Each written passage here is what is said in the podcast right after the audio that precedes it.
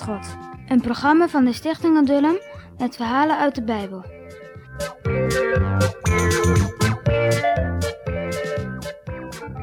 Gods grote liefde.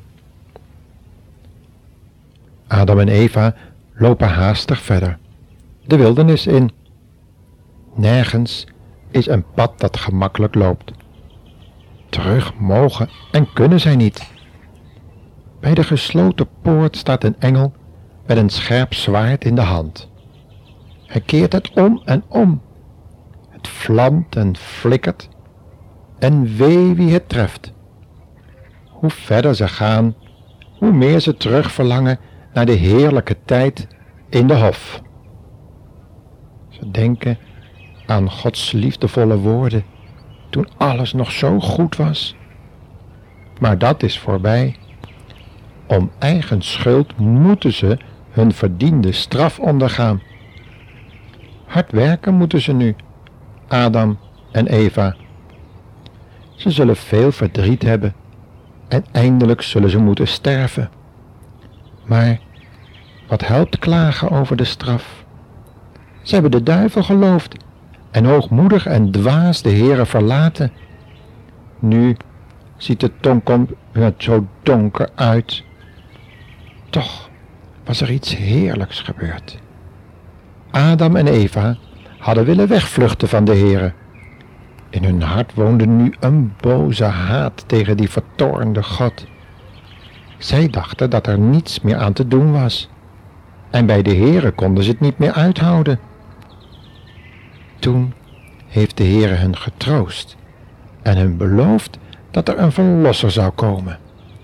Die zou hun straf dragen en doen wat Adam en Eva niet gedaan hadden, namelijk de Heere gehoorzamen.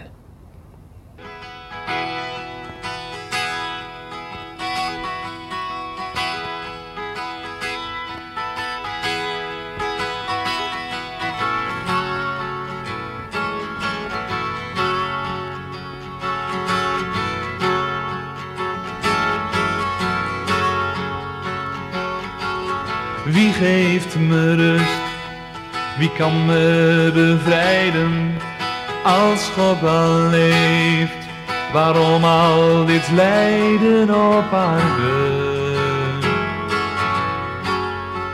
Wat heeft het voor waarde? Wat heeft het voor zin?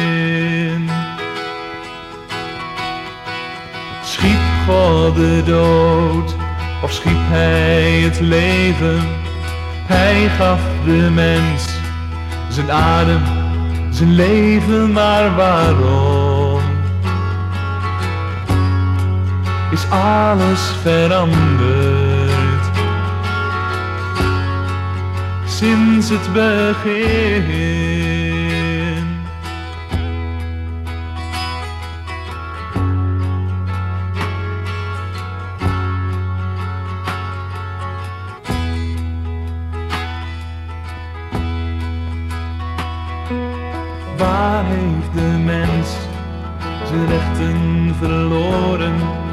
Waarom moet ik opnieuw worden geboren?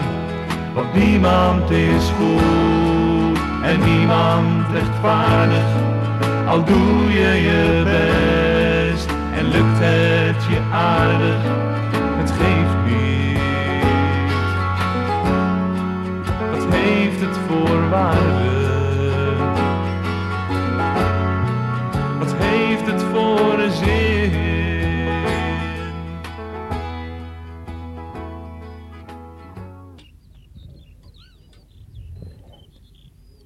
Ja, het leven heeft toch zin.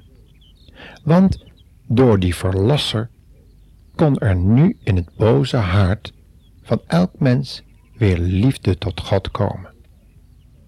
Adam en Eva zijn nu eigenlijk alleen nog verdrietig. Ze klagen niet over de Heere. Dat zou niet gepast zijn. Wel denken ze bevend aan Gods toornig aangezicht en de harde woorden die hij sprak toen hij hun strafte. Maar ze vonden wel dat ze de straf verdiend hadden. En weet je wat zo wonderlijk was? Achter die tranen van berouw glimlachten soms hun ogen en zeiden ze tegen elkaar, en toch is de Heere goed voor ons.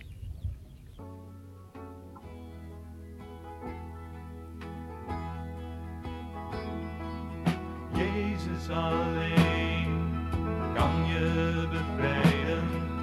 Hij tilt je uit boven het lijden en brengt je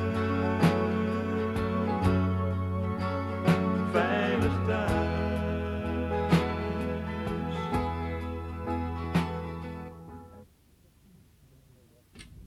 Toen het donker werd, zochten ze een veilig plekje op om te gaan slapen. Ze waren niet overal even veilig meer. En ze dachten terug aan die veilige hof, dat paradijs, waar er geen gevaar meer was. Maar nu was er overal gevaar. Dat kwam omdat ze kwaad gedaan hadden. Daarom ben je bang. Toen ze 's morgens wakker werden en de warme zon op hun lichamen voelden, prezen zij God toch om zijn goedheid. En telkens merkten ze dat de Heere hun niet vergeten was.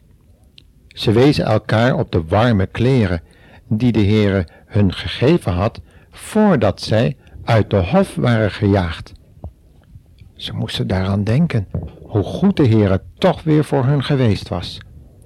Hij had een onschuldig dier moeten slachten om hun zonden te verzoenen.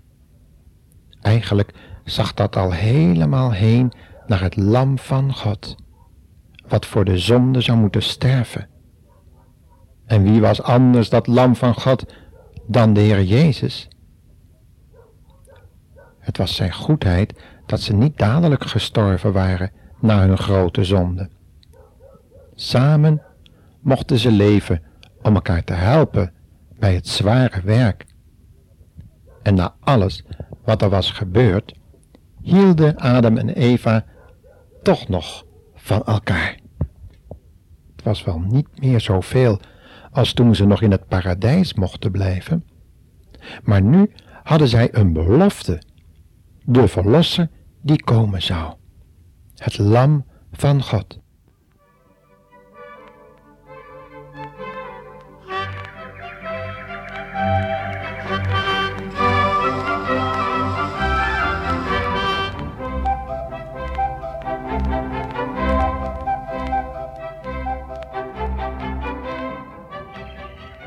En dan nu de quizvraag van deze week. Nou, hier komt de vraag dan. Hoe heette het lam van God?